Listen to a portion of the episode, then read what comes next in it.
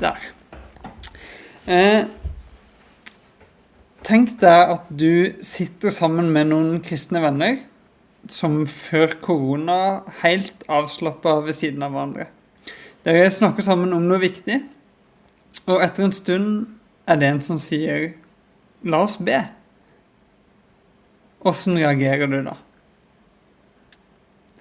Sånn begynner Magnus Malm en artikkel som ble publisert i magasinet Strek i fjor. Den handler om åssen forhold vi kristne ofte har til bønn, og undervisninga i dag skal også handle om dette. Jeg håper at ved det jeg deler, skal du få muligheten til å reflektere litt over ditt eget forhold til bønn, og dermed kanskje også over ditt forhold til Gud. Målet er at du blir sendt ut igjen i hverdagen din med litt lavere skuldre og litt mer lyst til å be, litt mer lyst til å søke Guds nærvær. Lave skuldre, lyst til å be. Det er målet. Og på vei dit skal vi se på to kilder. Det ene er altså denne artikkelen som Magnus Malm skrev i strek. Og den andre er en salme av kong David som du finner i Bibelen din, og som du hørte Maria lese helt i begynnelsen av gudstjenesten i dag. Salme 139. Men før jeg sier noe om det jeg har funnet i disse kildene her, så sier jeg la oss be. Gud, Takk for at du er nær oss nå, at du er hos oss. Om eh, vi klarer å konsentrere oss eller ikke, om eh, tankene våre alle steder, om vi har det bra eller dårlig, så er du nær. Om vi tror mye eller lite, så er du nær, så er du her. Og vi ber om at du må berøre oss, at du må vekke i oss en lyst til å be, og gjøre terskelen til det så lav som overhodet mulig. Det ber om at du skal gjøre i oss, Gud. Amen. Ok, vi begynner litt med å se nærmere på denne artikkelen til Magnus Malm i strek. Den har jo den nydelige overskriften som dere ser 'Slutt å konsentrere deg'. Og Jeg skal rett og slett begynne med å lese et utdrag fra den, og jeg repeterer først det jeg allerede har lest for dere. Altså, Tenk deg at du sitter sammen med noen kristne venner som før korona helt avslappa ved siden av hverandre. Dere snakker sammen om noe viktig og etter en stund er det en som sier 'la oss be'. Hvordan reagerer du? Legg merke til at spørsmålet ikke er 'hva synes du om det'? Da hadde svaret antagelig blitt en mer eller mindre teologisk korrekt bekreftelse. Jo da, det er bra å be for ting. Det skal man gjøre når man er kristen. Avhengig av hvilken bakgrunn du har, slår nå ulike grader av åndelig overjeg inn. Du folder hendene og blir lydig med i bønnen. Men reaksjonen det millisekundet av magefølelse som alltid er raskere enn intellektet og teologien, og som uendelig mye mer eksakt avleser vårt virkelige forhold til bønn. Og dermed kanskje også til Gud. Også her er skalaen brei og variasjonene mange, skriver Malm. Kjenner du på motvilje? Oi, så slitsomt. Var det virkelig nødvendig akkurat nå? For en overåndelig type. Pliktfølelse. Best å skjerpe seg. Nå skal vi be. Nå må jeg prøve å bli litt mer åndelig. Usikkerhet. Åssen eh, koder er det som gjelder i denne gruppa? Åssen skal man be her for å være en i gjengen og ikke skille seg ut for mye? Ubehag. En ubehagelig følelse av at samtalen nettopp ble kvalt. At noen nettopp la et tykt, mykt teppe over hele gruppa som gjør det vanskelig å puste. Eller kanskje lettelse. Endelig. Noen som åpner vinduet i denne trange samtalen for å slippe inn et større perspektiv der Gud kan gi oss litt klarhet. Eller hvile. Krampa slipper. Skuldrene senkes. Nå handler det ikke så mye om at vi skal løse dette gjennom å si noe smart. En som er større, venter på å få bære. Jeg syns vi skal ta oss noen sekunder i stillhet nå og tenke over de ordene fra Malm som står på skjermen her. Hvilke ord beskriver best reaksjonen eller magefølelsen du får hvis noen i en helt vanlig samtale sier 'la oss be'?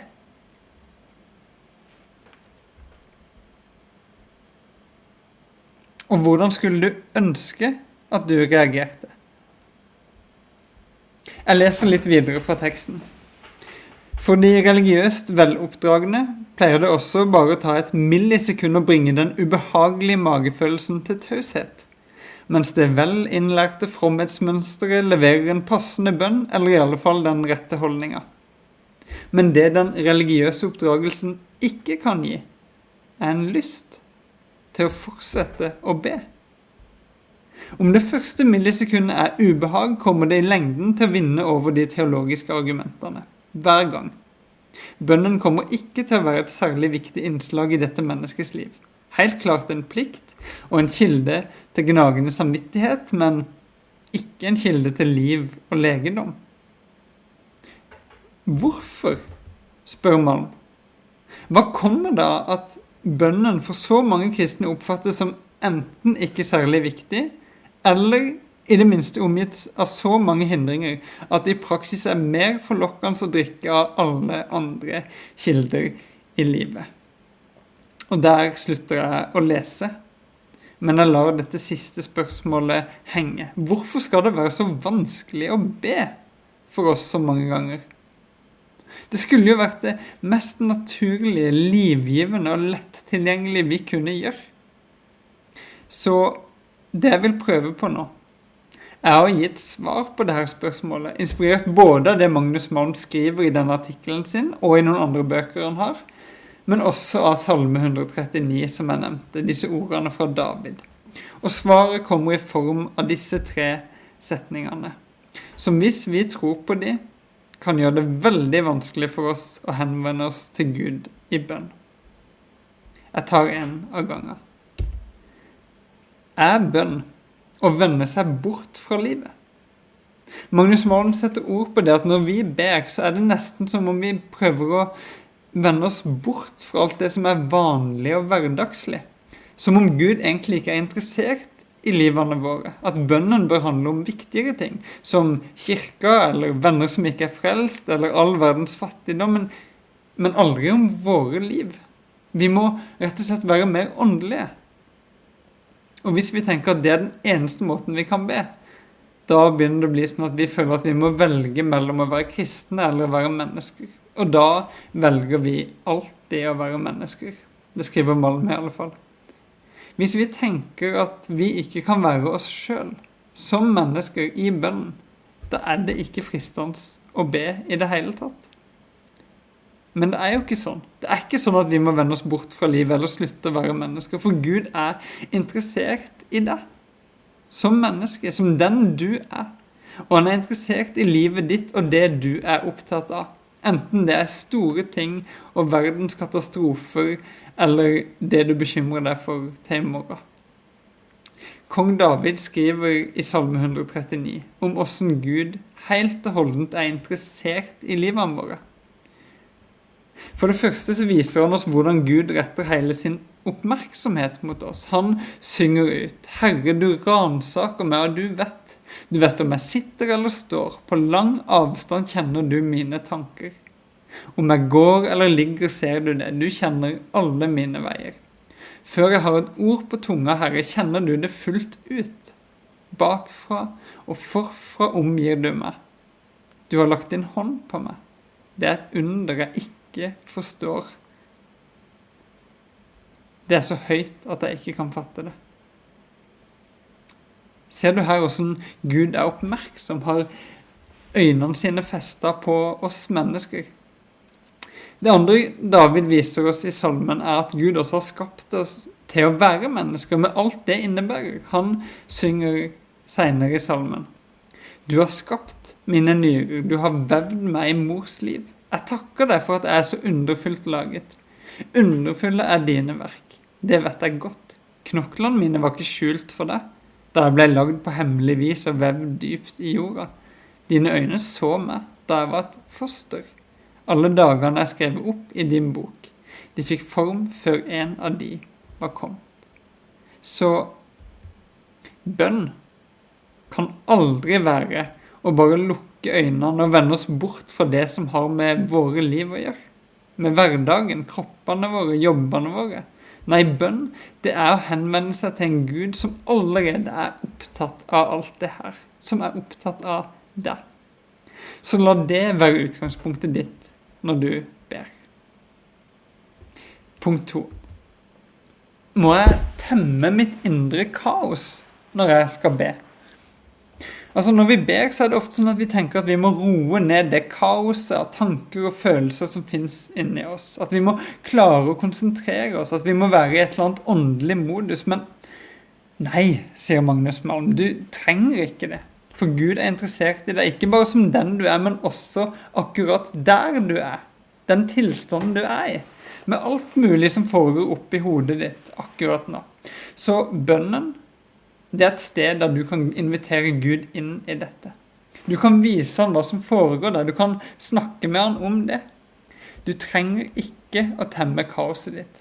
Verken det kaoset som handler om konsentrasjon og tankene som går alle veier, eller det kaoset som er de negative følelsene vi kan bære på. De stygge tankene, om vi vil. Du trenger ikke å skru på noe høflig filter når du skal komme til Gud i bønn. Du trenger ikke å vise Gud en ryddig og pynta fasade. David gjorde iallfall ikke det. Bare hør her. Han sier, 'Gud, om du ville drepe den lovløse' om drapsmennene vek fra meg. De taler svikefullt om deg. Dine fiender sverger falskt. Herre, jeg hater de som hater deg. Jeg avskyr de som står deg imot. Jeg hater de med et grenseløst hat. De er blitt mine fiender. Ja Jeg har egentlig aldri likt denne delen av Salme 139. Og når en skal bruke den i undervisning eller lese den på gudstjeneste, eller bare bruke salmen sjøl som bønn, så er det så fristende å bare droppe disse linjene her. De kommer jo mot slutten. En kan jo bare stoppe litt tidligere.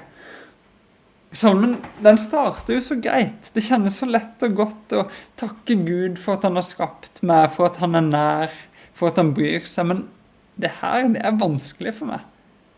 Å sitte og snakke med Gud og si at jeg hater noen med et grenseløst hat. Eller bare det å lese at David gjorde det, syns jeg Det kjennes jo ikke akkurat oppbyggelig. Gjør det det? Men likevel, da. Så har jeg begynt å skjønne at det er noe forbilledlig med måten David ber på her. Han snakker nemlig helt ufiltrert med Gud. Han sier hva han føler og tenker, ikke hva han burde følt og tenkt. David tør å tro at Gud tåler det kaoset som er inni ham. Og det ser vi i mange andre salmer av David også. Noen steder så snakker han om hvor kraftløs og svak han føler seg. Andre steder om åssen han har synda og gjort vondt mot Gud og andre. I noen salmer så skryter David av hvor flink og rettferdig han syns han sjøl er.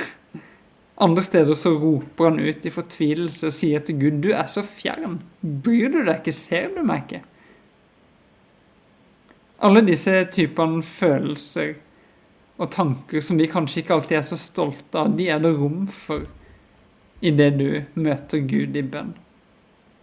Salme 139 her viser oss at David I Salme 139 så viser David til Gud at han er skikkelig sint. Så trenger du å temme det kaoset som fins i deg før du skal henvende deg til Gud. Nei, du gjør jo ikke det. Ha heller David som forbilde når du ber. Slipp gørra ut i samtalen med Gud. Inviter Gud inn i kaoset. Tør du det? Tør du å vise Gud når du er skikkelig sinna? Tør du til og med å være sint på Gud og si det til ham? Tør du å fortelle Gud at nå er det vanskelig å tro på deg, Gud? Sånne ting kan kjennes litt skummelt. Men i denne salmen, etter at David har fått ventilert seg skikkelig, fått letta på trykket, så avslutter han med noen ord som kanskje gjør at det føles litt trygt å slippe Gud inn i kaoset på denne måten. For han ber. Ransak meg, Gud, og kjenn mitt hjerte. Prøv meg å kjenne mine tanker. Se om jeg følger avguders vei, og led meg på evighetens vei. For det er jo ikke sikkert at han har rett til å være så sint som han er.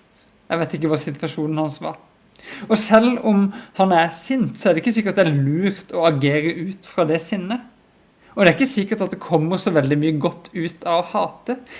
Det er ikke sikkert det er en god idé å storme Kongressen bare fordi en syns livet er urettferdig, for å ta et tilfeldig eksempel. Men David ber altså ydmykt. Ransak meg, Gud. Prøv meg, kjenn meg, led meg på rett vei. Og med dette så viser han at han ikke bare tror på en gud som tåler kaoset sitt, men også en gud som kan hjelpe han ut av kaoset og inn på bedre stier, bedre veier. Vi går til siste punkt. Må jeg få Gud til å komme nær når jeg skal be? For mange av oss er det sånn at vi tenker at det første vi må gjøre når vi ber, det er å få Gud til å se oss, til å være til stede, komme nær oss. Og da blir bønnen en prestasjon. Det blir noe vi må få til. Jeg husker jeg var en gang og skulle ha seminar på ungdom, en kristen ungdomsfestival. Så ble jeg med på morgenmøte med lovsang og hele pakka før det, og så la jeg merke til én ting. At nesten all lovsangen handla om å få Gud til å komme nær. Og for meg så ble det for det første veldig slitsomt. Og for det andre så ble det bare helt feil. For Gud er jo ikke langt borte. Han er alltid til stede. Det er i ham vi lever, beveger oss og er til, som Paulus sa i en av de tekstene vi leste i høst fra apostlenes gjerninger her i kirka. Eller som David skriver i dagens salme. Hvor skulle jeg gå fra din pust? Hvor kunne jeg flykte fra ditt ansikt, sier han til Gud. Stiger jeg opp til himmelen, er du der. Legger jeg meg i dødsriket, er du der. Tar jeg soloppgangens vinger og slår meg ned der havet ender, da fører din hånd meg også der. Din høyre hånd holder meg fast. Jeg kan si la mørket skjule meg og lyset omkring meg bli natt, men mørket er ikke mørkt for deg. Natta er lys som dagen, mørket er som lyset. Gud er alltid nær deg. Gud er alltid til stede. Så hvis du henvender deg til Gud i en bønn, så henvender du deg til en Gud som allerede er der. Og det gjelder enten du tror på han eller ikke. For dette handler ikke om hvem du er. Dette handler om hvem Gud er. Og Gud er allestedsnærværende skal prøve å huske et sitat av Malm på det her også. Han sier at eh, bønn er gjensidig nærvær. Guds nærvær og vårt nærvær. Guds nærvær er alltid der. Vårt nærvær er noen ganger problemet. Bønn er rett og slett ikke en måte å få Gud til å komme nær på. Det er en respons på Guds nærvær, som allerede er hos deg. Og den Gud som er nær deg, er en god Gud.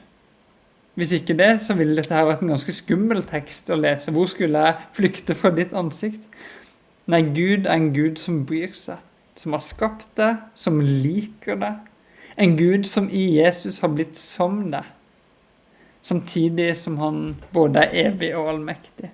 Dette er den Gud som alltid er i ditt nærvær, og som vi skal få høre om neste uke at er hos deg i sin hellige ånd, er i deg. La oss oppsummere de tre punktene og finne en litt bedre vei. Er det sånn at når du ber, så må du vende deg bort fra livet ditt og fokusere på noe som er mer viktig eller åndelig? Nei. Er det sånn at når du ber, så må du være både høflig og konsentrert? At du må temme det kaoset som kan finnes inni deg noen ganger? Nei. Er det sånn at når du ber, så må du først få Gud til å dukke opp og få oppmerksomheten hans? For at du skal kunne være Guds nærvær. Nei, det er ikke sånn. Utgangspunktet ditt for å be må være det helt motsatte. nemlig at Gud er interessert i livet ditt. At du ikke trenger å konsentrere deg eller være høflig, for du kan trygt slippe Gud inn i kaoset ditt. Og at Gud er allerede nær deg og oppmerksom på deg lenge før du har begynt å be. Gud er interessert, du kan slippe han inn i kaoset, og han er allerede hos deg nå. Jeg håper at disse tre små setningene kan være med å gi deg litt lavere skuldre og større lyst til å be. At du kjenner at du får litt mer lyst til å bare kaste deg ut i det. Til å bade i bønnen, til å finne letthet og hvile. Og så vet jeg det at det her er en egentlig ganske kort undervisning om noe som går veldig dypt i åssen hver enkelt av oss fungerer som menneske. De der umiddelbare reaksjonene våre er det ikke så raskt å gjøre noe med. Eh, så hvis dette er noe du har lyst til å prate mer om, noe du har lyst til å få mer greie på om, om din egen bønn, så ta gjerne kontakt med meg hvis du har lyst på en prat. Eller gå til de kildene jeg har vist deg i dag. Les den artikkelen fra Magnus Malm, eh, som finnes i strek nummer to og tre. Det var dobbeltnummer i 2020. Eh, eller les boka hans 'Kjennetegn', som har den nydelige undertittelen 'Å søke Guds nærvær i en kaotisk tid'. Det Malm skriver om disse emnene, har betydd veldig mye for meg sjøl og min egen bønn, og jeg har fått øve meg å be ved å lese noen ting han har skrevet. Og så anbefaler jeg også å lese Salme 139 mer. Men ja, vi kan forandre oss ved å tenke nytt. Men jeg tror også vi bare trenger å øve oss litt. Så det jeg har lyst til å gjøre nå, og spørre hva gjør vi praktisk? Hvordan kaster vi oss ut i bønnen i dagene som kommer? Hvordan tar vi det vi har hørt og lest i dag, inn i hverdagen vår? Jeg skal avslutte med to ting. En definisjon og et par-tre praktiske øvelser. Så først denne definisjonen. Det er litt rart å komme med det til slutt. En definisjon på bønn i en hel undervisning som handler om bønn. Men jeg, jeg tror det å ta det på slutten kan åpne litt opp for oss. For hva er egentlig bønn? Hvis jeg skulle våge meg på å lage en definisjon, så vil jeg rett og slett si det sånn her. Bønn er å henvende seg til Gud. Så enkelt kan det sies. Og hvis dette her er bønn, og det tror jeg virkelig det er, så åpner det så mange muligheter, så mange måter å be på, og sikkert et eller annet som passer godt for deg. Du kan be på mange måter. Du kan gjøre det i en slags samtale der du snakker med Gud som en venn. Du kan komme med et høylytt klagerop eller med et forsiktig lite takk. Du kan lese en skrevet bønn, eller si en du husker fra hukommelsen.